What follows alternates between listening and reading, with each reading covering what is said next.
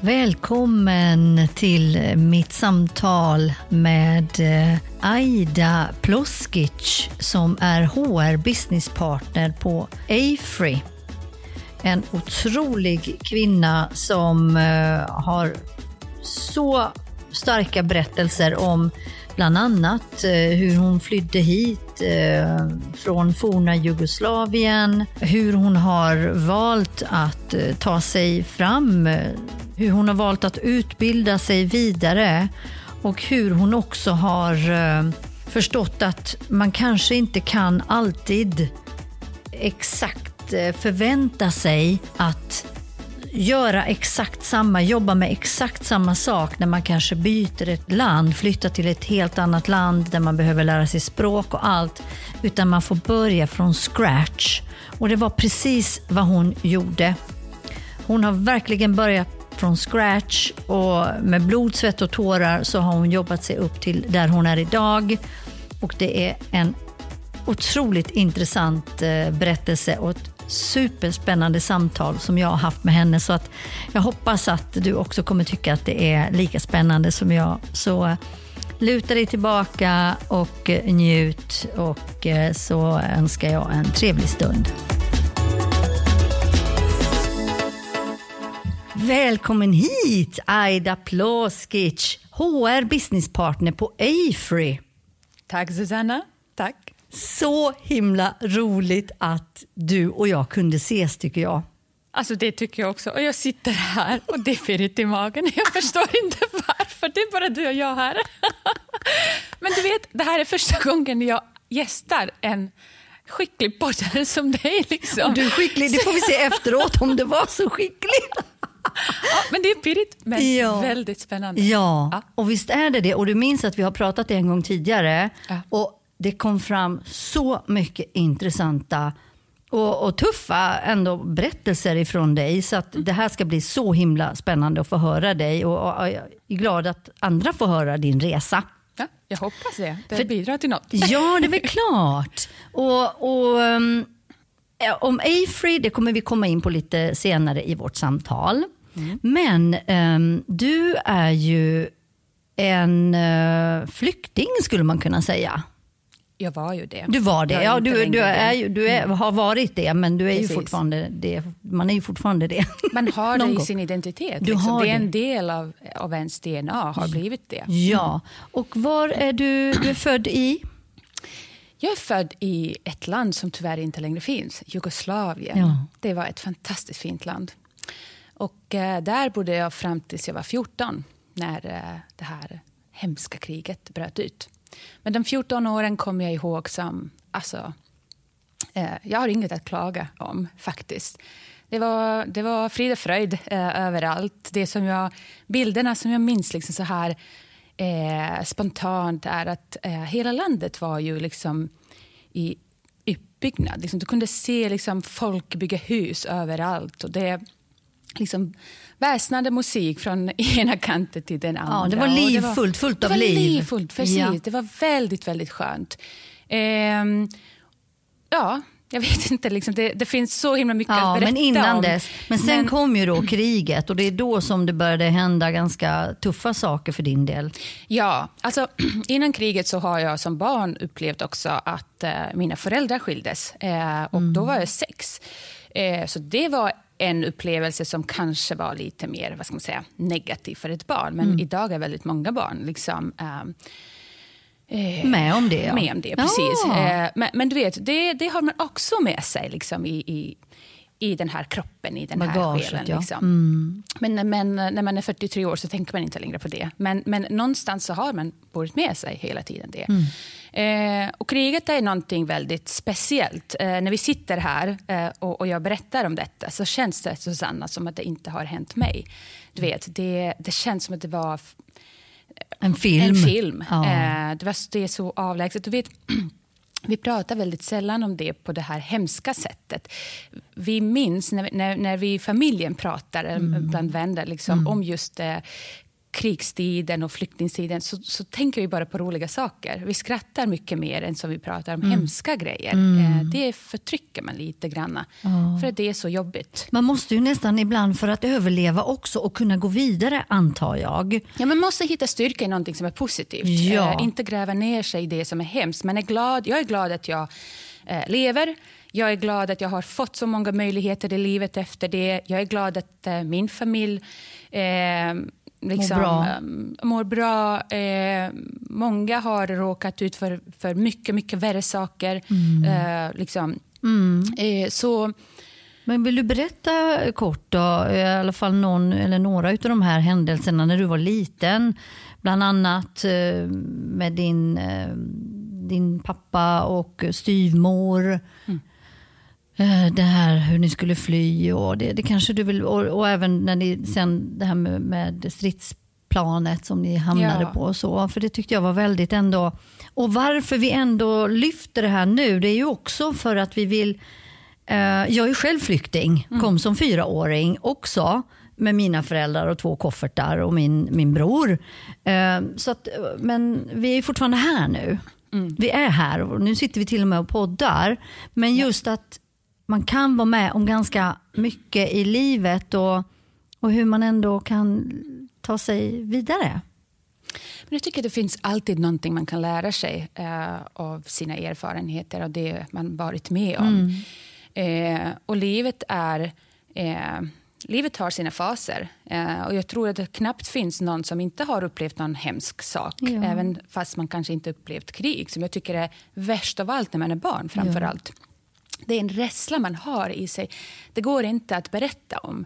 Och Jag hoppas att inga fler får uppleva det. Mm. det liksom, rädsla av sitt liv, att inte veta liksom, hur kommer jag dö. Mm. Alltså, den där liksom, föreställningen, det, det, det är galenskap. Ja, visst. Och där du blev också separerad då från din pappa. Ja, men, men, vår flykt gick ändå liksom rätt så bra kan man säga. För att, eh, vi lyckades, eh, jag kommer från Sarajevo eh, och vi lyckades ta eh, oss till flygplatsen. Eh, vi bor lite utanför stan, typ 10 minuter eh, bilresa. Och, att ta sig till stan och genom stan var en mission impossible nästan. men vi lyckades på något sätt. Och, det var verkligen ödesläge. Det var tomt på gatorna. Det enda du, kan, du kunde se är eh, prickskyttar eh, på, på, liksom, eh, mm, taken, på, på taken och så. Det, det, var verkligen hemskt. Eh, men vet, vi tog oss till eh, flygplatsen och eh, när vi kom dit så var det fullt av folk. Eh, det var barn som skrek, det var kvinnor, det var, det var väldigt många internationella eh, vad ska man säga, eh, folk från, från olika liksom, länder som hade liksom, bott där, jobbat där. Eh, och alla försökte ta sig därifrån. Ehm, och eh, de här senaste bilderna eh, som kanske de flesta minns nu från Kabul på, mm. påminner lite grann om det. När vi skulle ta oss in och det var en uh, rysk stridsplan. Eh, det fanns säten inuti, men du vet, vi satt på varandra. Alla hade någon eh, på knät och korridoren var ösfullt med folk. Och det var så varmt, det var så... Alltså alla var panikslagna. Alltså det var en känsla av, du vet, oh, luften, luften räcker inte till. Ja. Och Sen tog vi oss därifrån och landade i Belgrad. Och Det var verkligen konstigt. Eh, det var jag inte medveten om som barn. Men, men du vet, när vi landade i Belgrad då, var vi, då hade Serbien och Bosnien inte längre bra relation, tyvärr. Mm. Utan vi var liksom ja, på två olika sidor mm. plötsligt. Mm. Eh, jämfört med liksom ett år tidigare när vi var ett land. Ja, eh, så där var vi också jätterädda. Liksom. Vi gömde oss i två, tre dagar tror jag hos eh, bekanta eh, som min pappa och min styvmor kände där som hjälpte oss faktiskt därifrån. Och vi tog oss till ungerska gränsen Eh, alltså vi är en familj, liksom, jag med, med, tre syskon som är yngre än mig, min pappa, min styvmor. Eh, och eh, tre av oss eh, hade giltiga pass, tre av oss hade inga giltiga pass. Så vi, vi försökte liksom ta oss igenom. Och min styvmor hon har familj i Tyskland som eh, kom från Tyskland till andra sidan liksom, gränsen och ville hjälpa oss, liksom, ta emot oss. Mm.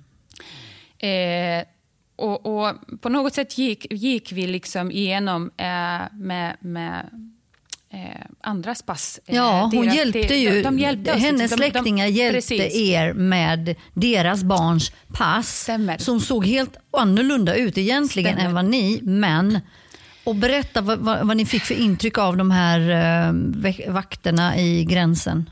Alltså jag tror Susanna att vi har haft väldigt mycket tur. Eh, de tjänstemän som var där vid den stundpunkten var mm. kanske inte så himla intresserad, plåga folk. Nej, kanske mer humana, lite mer jag humana. tror det. De, mm. de, de, alltså annars hade vi inte kommit förbi. Annars hade vi inte kommit in Nej. i Ungern. En hjälpande faktor var kanske att någon annan väntade på oss, att vi bara skulle igenom, inte stanna kvar där. Jag har ingen aning. De kanske har varit haft en annan relation till jugoslaver. Än liksom... men, men ni förstod ju att de måste ha förstått att ni inte var de som var på passen? Ja, eller hur? Jag Antagligen. Tror Jag tror det. Men din pappa, han lyckades ju inte få tag i ett pass. Nej. Så han fick ju, ni separerades ifrån. Vi separerades och han uh, korsade gränsen uh, under natten till fots. Ja. Så det var, det var farligare än det som vi gjorde. För att de kunde sköta honom eftersom han var i, i otillåten vad ska man säga? Mark. Ja. mark. Men tänk du också, som, hur gammal var du då? 14. 14 år. Mm. Och också att liksom, man ser sin pappa försvinna egentligen och inte mm. riktigt veta i all den här eh, trauman och turbulensen, kommer jag få se min pappa igen? Ja. Ja, men vet du, som barn har jag alltid tänkt det här kommer gå bra. Jag, har liksom, jag vet inte varför, mm. men jag har mm. alltid haft positiva tankar. Ja. Jag har alltid tänkt positivt, det löser sig. Ja, men jag tänker på rädslan, mm. eh, Aida, också. Men den finns ju säkert nu också. hela... Alltså, den, som sagt eh, inledningsvis, den där rädslan, liksom, att vara rädd om sitt liv och inte veta hur det slutar, det, det är det värsta tror jag som en, eh, som en människa kan uppleva.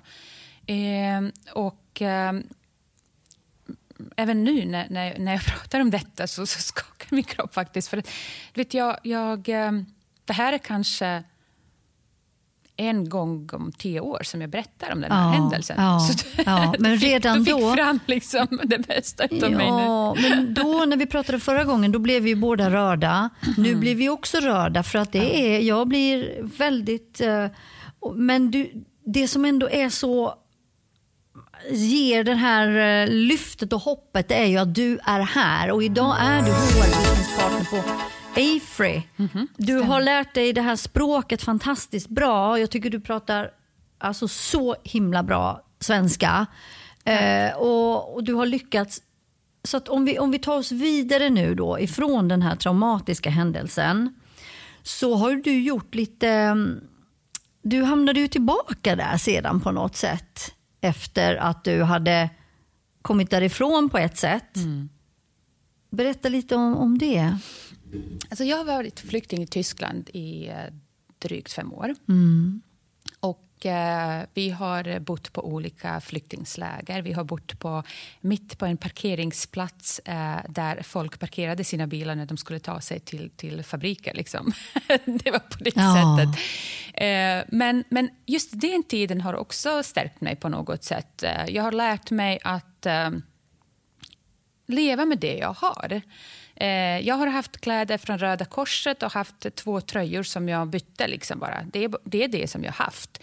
Eh, jag berättade för dig när jag ja. fick... Eh, jag hade jättegoda kompisar. Jag har fortfarande jättegoda vänner i Tyskland. Det är, alltså, det folket vet hur de tog emot oss, hur de hjälpte oss. Det är eh, bortom alla gränser. Det går inte att beskriva. Jag är så... Uh, när jag tänker Tyskland så tänker jag bara det, det blir varmt om ja. hjärtat. Men just Anki, kommer jag ihåg, vi gick nian då. Och hon bjöd mig till, till, till sitt hus och sen kom jag dit och sen skulle, vi, skulle hon klä eh, på sig och sen öppnade hon sin garderob och där fanns det hög av liksom tröjor av samma modell fast hundra olika färger. Alltså jag lovar Susanna, när jag tittade på det så tänkte jag kommer jag någonsin uppleva det här? Kommer jag någonsin ha en sån här garderob? vet, en tjej, 14 år, du tänker liksom på ditt utseende, du, mm. men, men du har inte råd med det. Och sen är du medveten om din situation. Men vet du vad? Än idag kommer du inte hitta en hög med, av, med tröjor av samma modell, olika färger i min garderob. För att det är liksom, varje gång jag ska köpa någonting så tänker jag har jag det här? Behöver jag det här? Ja. Eh, du vet. Ja, men det är ju saker som du har tagit med dig. Ja. Det är ju också, jag tror att allting som Uh, här, liksom, vad ska man säga, det som gör ont, det härdar oss och det stärker oss i olika mm. saker, hur vi ändå agerar många gånger framåt. Mm. Även fast det gör ont och det kommer göra ont, säkerligen mer eller mindre fortfarande hela livet. Men, mm. men det här är ju någon sak som du har tagit med dig. Det är ju... ja, ja, så är det. Och, och till exempel om man tittar på den här pandemitiden. Mm. Uh, ärligt talat, jag har varit skräckslagen i början mars 2020. Jag har bunkrat, jag har fortfarande mat på vinförrådet. Ja. För att jag var så himla rädd att vara utan mat. Mm. Alla köpte toapapper, men inte jag. Nej. Jag köpte ris och makroner ja. och pasta ja. och du vet eh, konserver och burkar och allt som kan förvaras under en längre period. För att jag tänkte, jag har barn, jag måste mm. tänka på dem. Vi Klart. kan inte leva utan mat. Klart. Och det är, liksom, det är det enda som jag liksom... Eh, som jag tänker på. Är det faktiskt. klart? Ja, men jag förstår. Och du träffade ju sen också din eh, nuvarande kärlek, ja. man. Ja. Och det tog ju dig till Sverige. I, till Sverige. Det, stämmer, det stämmer. Och ni träffades ju i... Vi träffades i Sverige faktiskt. Ja, ni I Malmö. Ja, ni träffades ju i Sverige. Det är så. Och, och, så hamnade du här. Och jag tänker också på dina liksom, skolor och utbildningar. Vad var det som fick dig att välja eh, din bana? Som mm. du ändå valde? Det är en väldigt intressant fråga. Och, och, du vet, när jag sitter här så tänker jag, det har aldrig varit raka vägen för mig. Alltså jag, min man till exempel, han är en typisk ingenjör. Mm. Och Han säger att han har vetat redan eh, i tidiga åldern att han kommer att vara ingenjör. Men jag har inte haft en sån tydlig bild framför mig vad jag skulle vilja jobba med. Det som jag vet är att människor har alltid intresserat mig. Eh, jag har alltid varit intresserad för känslor.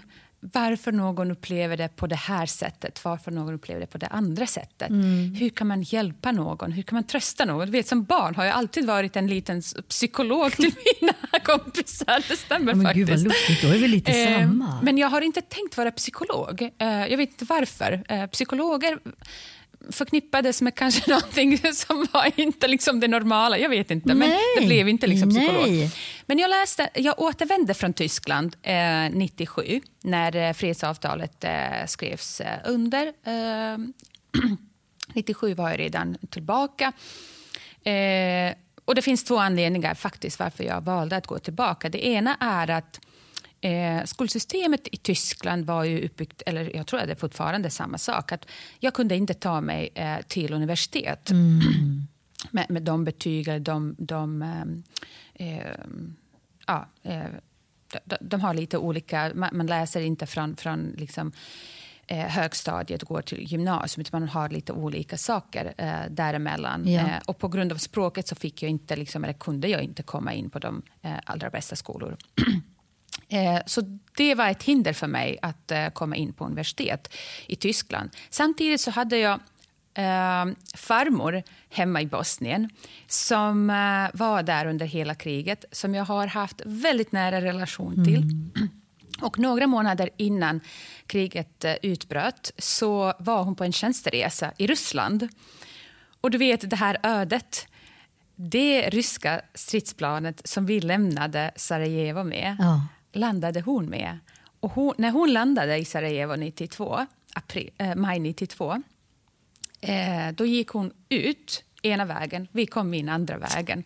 Så vi har eh, gått, gått förbi varandra oh. utan att vi har vetat om oh. det. Och Det var så sorgligt för mig. Och Jag har bara liksom hoppats att hon överlever och att jag kan krama om henne mm. igen. och så. Och På den vägen blev det också. Jag var 19 när jag återvände. Eh, allt var förstört. Jag levde i ett hus utan vatten, utan el, utan fönster. Eh, vi hämtade vatten från eh, närmast liggande brunn. Alltså det, var, det var en upplevelse. Men jag var så himla glad att kunna vara med henne. Mm. Och det ångrar jag inte ett dugg. Mm. Jag kunde ha kanske eh, haft ett annat liv om jag hade stannat kvar i Tyskland. Jag tror att jag hade möjlighet att göra det. Men jag ångrar inte dugg eh, det beslutet jag tog. Mm. Hon lever inte idag, men uh, jag har så himla bra minnen uh, från den tiden. Mm. Och då började jag läsa på universitetet i Sarajevo. Jag utbildade mig till socionom. Uh, men när jag av, under tiden har jag alltid jobbat. Jag har jobbat sedan jag var 15. Mm. jag jobbade på, i, i Tyskland som eh, liksom, bilfabriker och alltihopa under eh, olika liksom, skollov och mm. så vidare. Jag ville vara alltid självständig. Jag ville alltid eh, kunna liksom, köpa liksom, någonting utan att fråga pappa om han hade liksom, pengar att ge mig. Jag ville vara liksom, självständig. Mm. Eh, så jag jobbade som tolk, jag jobbade som um, försäkringsmäklare. Alltså jag hade lite mm. butiksbiträde, mm. all, alla mm. möjliga jobb mm. under studietiden. Um, och när jag skulle ta mig vidare så var marknaden torr då för socionomer. Och jag tänkte, istället för att vänta uh, på en vakans, uh, jag försöker jobba med någonting annat, så kom jag tillbaka till det spåret.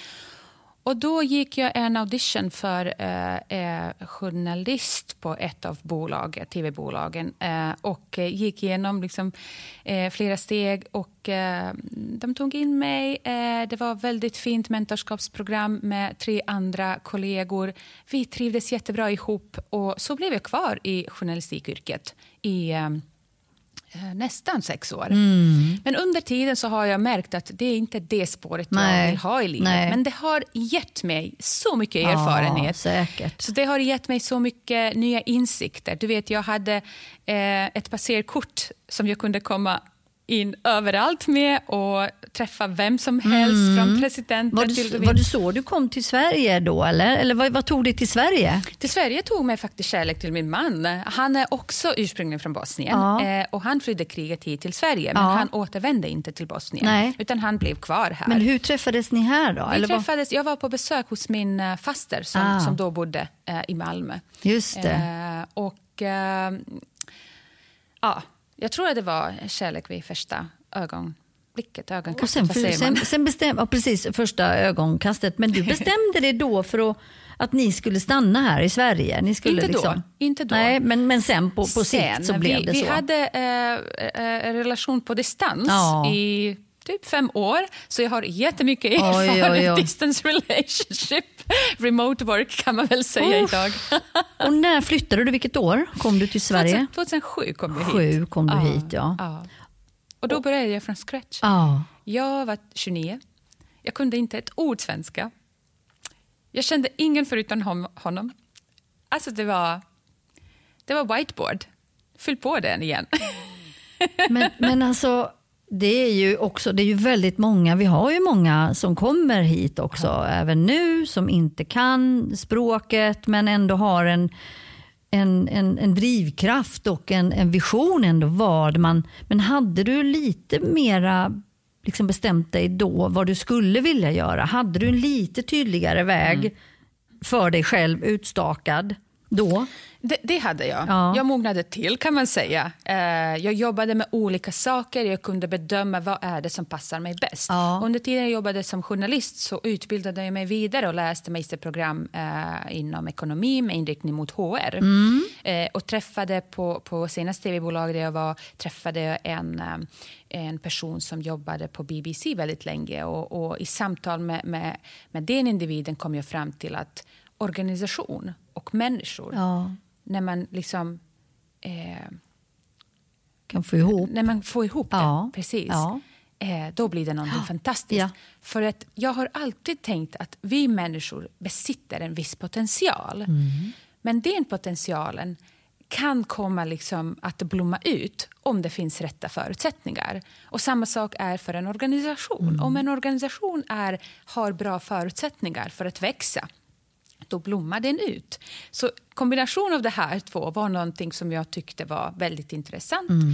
Eh, och de ämnen som jag också läste eh, har bekräftat det för mig. Så när jag kom till Sverige så läste jag först svenska för invandrare ett halvt år. Och under den tiden praktiserade jag, eh, jag tror två, tre veckor, på ett rekryteringsbolag. Mm. Eh, och jag måste nämna hans namn, Benny Karlsson. Det är en äldre herr, en gentleman, bara sådan. Mm. Eh, och när jag, han frågade mig faktiskt, vad vill du göra Aida efter, efter att du läste SFI? Och då sa jag till honom, men lärarna där säger att jag måste läsa vidare för att eh, eh jag måste läsa vidare för att uppnå eh, engelska, nej, svenska B. Eh, hur kommer jag på engelska Mm, nu? Svenska B. Och han tittar på mig och säger nej, du ska strunta i det faktiskt.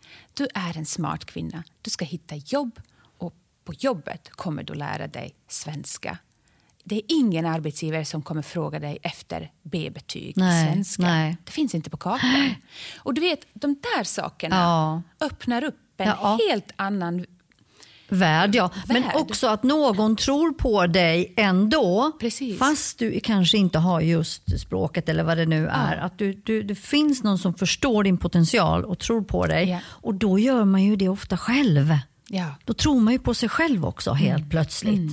Mm. Man måste få lite vind i Ja, ryggen. man, måste, få. lite Så vad blev det push. för, vad, vad gjorde du då? Då tog du ett jobb med andra ord.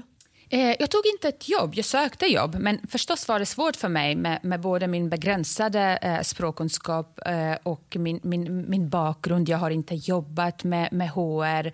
Eh, och när jag säger bakgrund så tänker jag inte på mitt namn faktiskt. Nej. Det, finns många andra som inte Ja, heter samma. ja, liksom. ja. Så, så jag, jag, jag hade liksom inte det med i bagaget. Så jag fick leta mig fram. Hur ska jag göra det här? Men jag visste att jag ska jobba med HR. Men jag visste inte heller vilket område, för att HR är ju så brett. Absolut. Eh, och eh, jag eh, kom in på en eh, utbildning, ett utbildningsprogram som var här i Stockholm. Eh, det var ett års utbildningsprogram med två eh, praktikperioder. Eh, 40 timmars vecka, du vet. Jag kom in hit, gjorde liksom tenta i, i arbetsrätt. Jag lärde mig svenska arbetsrätten, boken, 680 sidor på bara en månad. Wow. Och sen Alltså, gjorde jag tentan. Ja. Alltså hur glad jag var. Ja. Och jag satt där med eh, ordbok, du vet. Ja. Eh, och begränsat antal timmar. Men Ja. jag satte, översatte frågorna för att förstå vad Ja. de frågar efter. Alltså, ja. Men du, vad, krävs, vad krävdes av dig ändå då? För det här är ju rätt intressant. För det, det, det jag tycker är så spännande det är ju de här personliga både egenskaper och drivkrafter som vi har. Och en del lyckas, andra, andra mindre. Vad va, vad var du tvungen då att ändå ta fram för att lyckas? För det är inte väldigt enkelt. Plus att det är arbetsrätt, plus att du kan inte språket. Så det är ju dubbelsvårt. Så är det. Alltså, det som hjälpte mig i alla fall, eh, och det är någonting som jag har med mig liksom, eh, hela tiden, är eh, disciplin. Disciplin är någonting som man verkligen, om man inte har det, så måste man lära sig det. Jag, jag hade mål. Eh, jag, jag, jag ska liksom gå, komma in på den här Ja. utbildningen. Jag hade eh, begränsad tid på mig. Eh, jag gjorde en plan. Hur ska jag ta mig igenom de här kapitlarna? Hur ska jag behärska det här eh, om en månad? Eh, så, så gjorde jag liksom... Man, man gör en sak i taget, men man ska göra. Och är det liksom ett stort skåp man ska fylla med, då måste man börja från något ände för att komma upp. I, i de här Eh, små hö- facken. Man börjar ju fack för fack. Liksom. Precis. Eh, och när man lägger upp sitt arbete på det sättet så kommer man lyckas. Men vet du, du Ehm, sa en spännande, som jag inte hör väldigt jag hör inte det så jätteofta, inte ens i mitt yrke, när jag kanske pratar med olika människor. Ordet disciplin, Mm. jag vet inte om det har nästan, vågar jag säga det, försvunnit ur... Nej men alltså, disciplin. Det, det, ibland är det faktiskt många gånger det som krävs. Då kan man ibland till och med ha mindre kompetens, man kan ha mindre kunskap, man kan ha mindre av mycket annat. Men har du disciplin, då blir det ju att då blir det att du gör. Det handlar ju om att göra, agera. Jag har ju ett favoritcitat, just do it. Just do it, det låter perfekt. Eller hur? Just do it. Man måste göra någonting. Jag brukar säga till min man, så mycket arbetstimmar som jag har lagt liksom, Ja. under hela mitt liv. Ja. Tänk om jag bara hade varit lite mer intelligent. Då fick jag kompensera med det här. Nej, Så ska du inte säga. Men du, du hamnade i alla fall nu och det tycker jag vi ska gå in på. För det är ju Afree är ju, du kan kanske berätta lite själv om, om bolaget som du jobbar på? Åh oh, herregud, det kan jag prata om i Inte för länge nu, timmar. kort, jag kort, förstår, jag förstår. Afree, det är ett fantastiskt bolag. Det är en så härlig arbetsgivare. Det är... Um, Alltså du vet, eh, jag trivs där som hand i handsken. Eh, och jag tror att många av mina kollegor, och vi är drygt 17 000 wow. Eh, i väldigt många länder, 50 länder. Det är en fantastisk kultur. Det är ett i princip svenskt bolag i grunden, med, med, numera europeiskt med, med global räckvidd. Eh, vi har eh, verksamhet inom engineering, design och rådgivning. Mm. Eh, täcker väldigt många olika tekniska discipliner. Eh, civilingenjörer, maskiningenjörer, IT, eh, energi, eh, management consulting, eh, you name it. Mm. Eh, vi har en stor bredd och väldigt många specialister samtidigt. och Det som jag tycker är spännande med Afree är att det tillåts utrymme för utveckling. Mm. Eh, vi är medvetna om hur innovation är viktig både för bolaget men samhället i stort. Eh, jag läste häromdagen att Sverige är eh, land nummer två enligt liksom, antal innovationer. Och Det är det som driver mm. både bolagen mm. men också mm. länderna, vår värld. Ja, visst, ja, visst. Och det är väldigt spännande för vi är ju lite konkurrent, konkurrenter skulle man kunna säga. Nexer och Afree på många okay. sätt. Vi har också liknande affärsmodeller som ni har mm. och jobbar ju med tech precis som ni gör. Men vad är det som du tycker är så spännande? Hur kom det, liksom det här med tech då? för mm. din del. Mm. Och vi, kan, vi, ska också lyfta lite grann ditt uppdrag, tänker jag. Det är spännande att höra. Yeah. Vad är ditt specifika uppdrag på Afree som HR business partner? Yeah. Eh, om vi går tillbaka till det där med tech. Mm.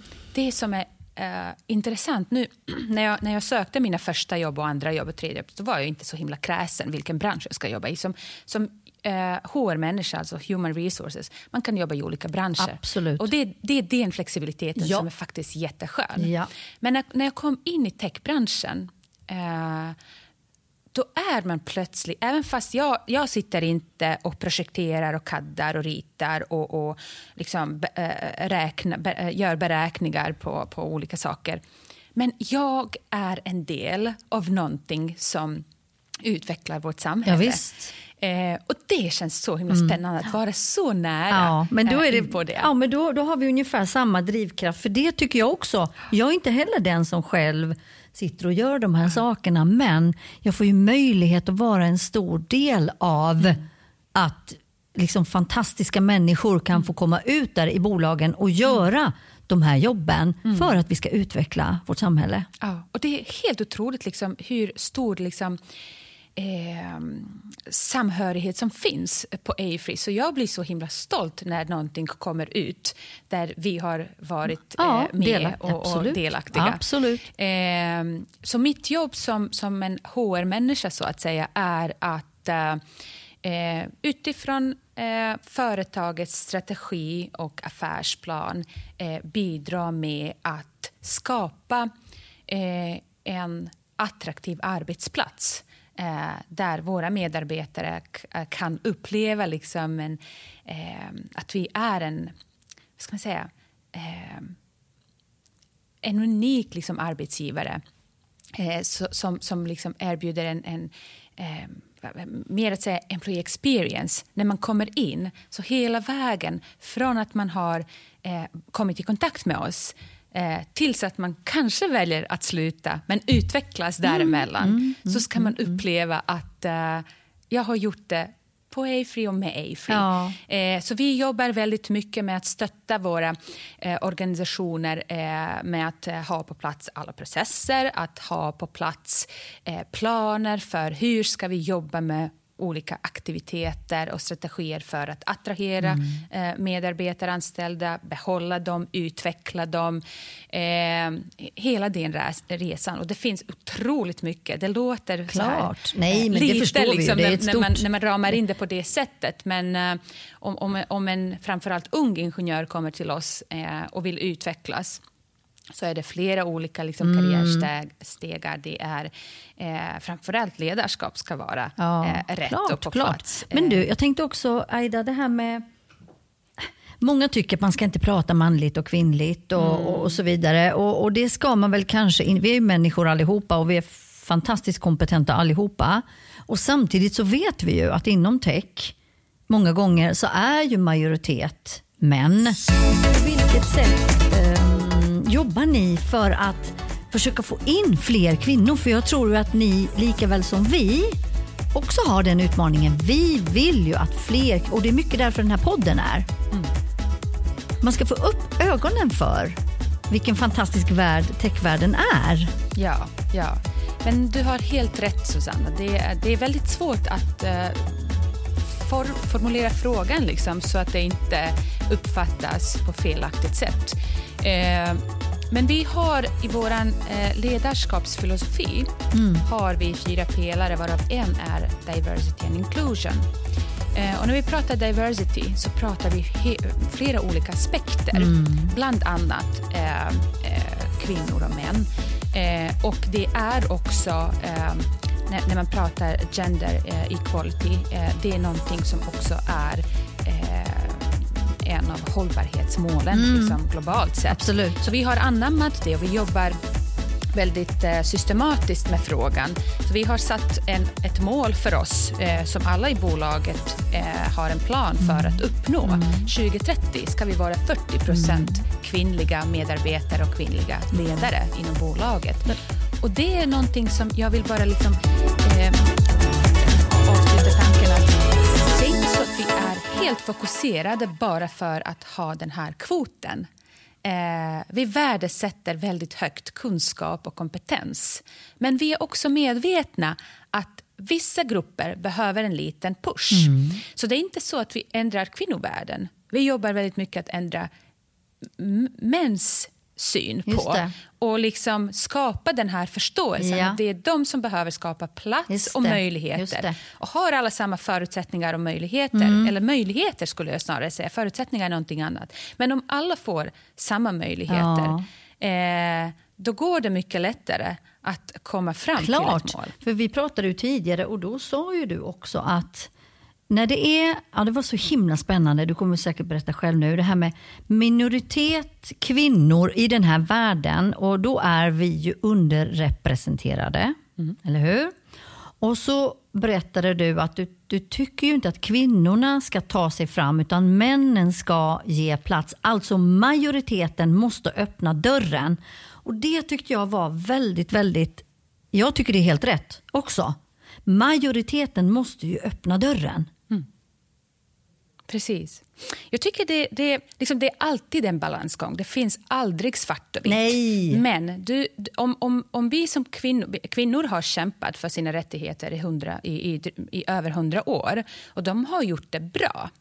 Eh, men det är ju liksom om, om majoriteten som har makten att fatta beslut om vissa saker inte inser att det finns bra potential i minoritetsgrupper. Nu är det kvinnor. Mm. Någon, gång, någon annan gång pratar man om Absolut. någonting annat. Då blir det mycket lättare för de här kvinnorna att komma in.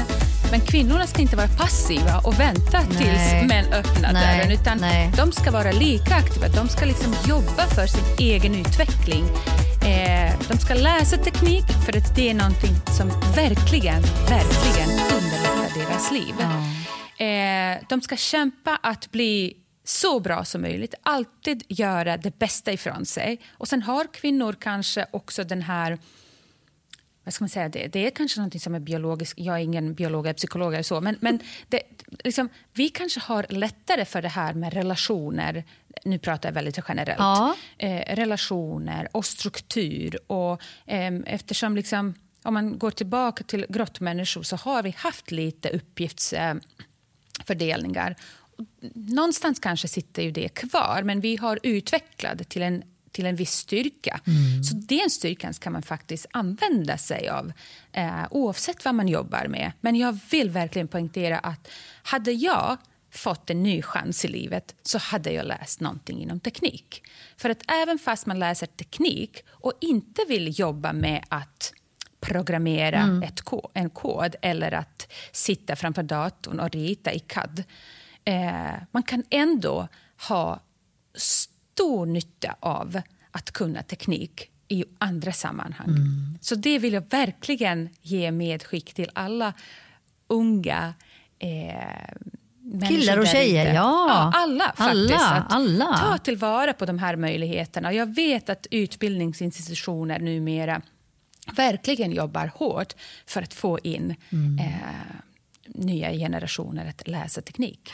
Ja, men det håller jag fullständigt mm. med dig om. Och tiden bara rinner iväg. Men om vi nu skulle, Aida, fantastisk historia överhuvudtaget som du har och att du är här och du jobbar på det här fantastiska bolaget som du jobbar på. Och du blommar ju, jag ser ju hur du, du, det skiner om dig när du sitter här framför mig. Och jag är jätteglad att ha fått liksom höra lite grann av din story och kanske förhoppningsvis inspirera. Mm. Men finns det två eller tre saker så som du skulle vilja ändå skicka med till våra lyssnare som har kanske bidragit eller hjälpt dig på din resa? Mm. Mm.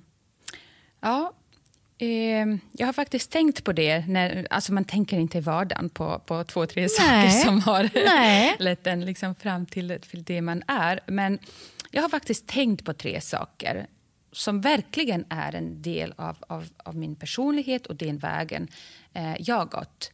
Eh, och det är någonting som är universellt, tror jag. Eh, att alltid ha positiv inställning till saker och ting. Det finns ingen människa i världen som inte har upplevt eh, någonting negativt, någon typ av kränkning eller vad, vad, vad man vill kalla det för. Men titta på saker och ting utifrån det positiva. Eh, en utmaning har flera olika lösningar. Men det är upp till en vad man väljer, vilken väg man väljer att gå. Man kan verkligen eh, grotta ner sig i sina problem och lägga skulden på någonting eller någon. Men det är i slutändan vi som måste fatta beslut om våra liv. Så gör en sak i taget, men gör det. Just do it med en positiv inställning. Mm. Det andra är att uh, ha ett mål framför dig. Kortsiktigt och långsiktigt, men ha ett mål och flera olika strategier hur att nå dit. Mm. För att en strategi är kanske inte helt rätt. Och om, om man liksom bara försöker med en strategi så kommer man bli missnöjd, man kommer bli irriterad, man kommer bli deprimerad och man kommer inte någonstans till slut. Då måste man anamma en annan strategi. Um, så det är liksom inget fel att ha plan A, plan B, plan C, hur många planer, men man ska komma dit. Man ska inte ge upp bara för att det inte funkar. Eh, jag, jag, läser väldigt mycket att folk skickar hundra, hundra ansökningar och får, kommer inte på en enda intervju. Jag har på tre, tre månader skickat 250 ansökningar och träffat cirka 40 personer. Jag har en Excel som jag har jobbat med. Mm. Eh, och Det var liksom den här första fasen när jag skulle in på arbetsmarknaden. Eh, men jag visste att bara ett hårt arbete, det, man måste sätta bollen i rullning. Ja. Eh, och sen tredje sak är nätverka omringa dig av människor som är dessutom duktigare än du. För att Det är då du lär dig. Du yes. utmanar dig själv, du stretchar på dig. Skaffa dig en mentor. Mm. Jag har alltid haft en mentor. Jag har en mentor nu mm. som heter Elisabeth Virve Mesak. En fantastisk kvinna. Eh, jag har alltid eh, tyckt att känner man någon och kommer man till alltså, till en situation där man kan presentera sig själv. Jag var medveten om att jag som Aida Plåskic Självklart är jag kanske inte första val, för att man känner inte mig. Jag har varit så pass kort i Sverige i början. då. Mm. Eh, men jag måste presentera mig, jag måste berätta vad jag kan, hur mycket svenska jag kan. Jag måste visa att jag ser helt normalt ut. Liksom. Det, eh, och det finns liksom folk som verkligen har stöttat mig och sett den här potentialen och gett mig förtroende mm. som jag kunnat liksom, förvalta eh, väl. Förvalta väl. Och, mm. och då, om jag får nämna några individer i det här sammanhanget så vill jag gärna göra det. Varsågod. Och det finns en hel skara av folk på Iterum eh, verksamhet där jag har eh, fått möjligheten att utbilda mig till HR. Johan, Sara, Nils-Gunnar. Barbara Lidholt som har hjälpt mig att få mitt allra första uppdrag. Eh, hon jobbar på WISE idag, en fantastisk individ. Anna Gunnarsson, som var då rekryteringschef på Vattenfall som bara sa till Barbara man skicka Ida för att jag praktiserade där, mm. så hon kände mig. Mm. Mm. Eh, mina tidigare chefer Charlotta Holmgren, Anna Rodin, Karin Tersmeden eh, min kollega i Göteborg, Fredrik Lindholm, mina kollegor i Norge, Morten Tonning, Lucy Katrine Sunde Eidem och sen hela Afry. Jag kan inte säga ett enda namn. Nej, hela nej Afry, absolut hela Afry. Och din man Och min man, som har familj. stöttat dig hela det, vägen. Det är absolut rätt. Hade han inte varit här Nej. och känt... Eh, alltså han har varit min eh, vägledare. För att han kände ju liksom svenska systemet, hur Mm. det funkar. Han var... Eh, ja, alltså, nu, nu pratar jag bara liksom yrkessammanhang. Men hela mitt liv Ja, är han eh, Men- min partner in crime. Men jag hör ju också, och jag tycker själv, jag håller med dig, att summan av kardemumman, om man kan säga så, det är ju också att eh, vi behöver varandra också. Ja. Det, allting går inte många gånger bara själv.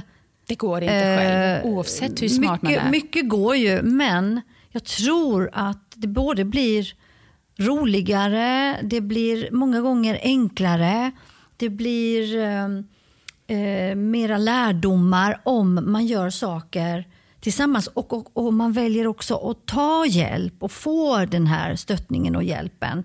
Eh, det, det tycker jag är också ett viktigt medskick. Att titta dig omkring.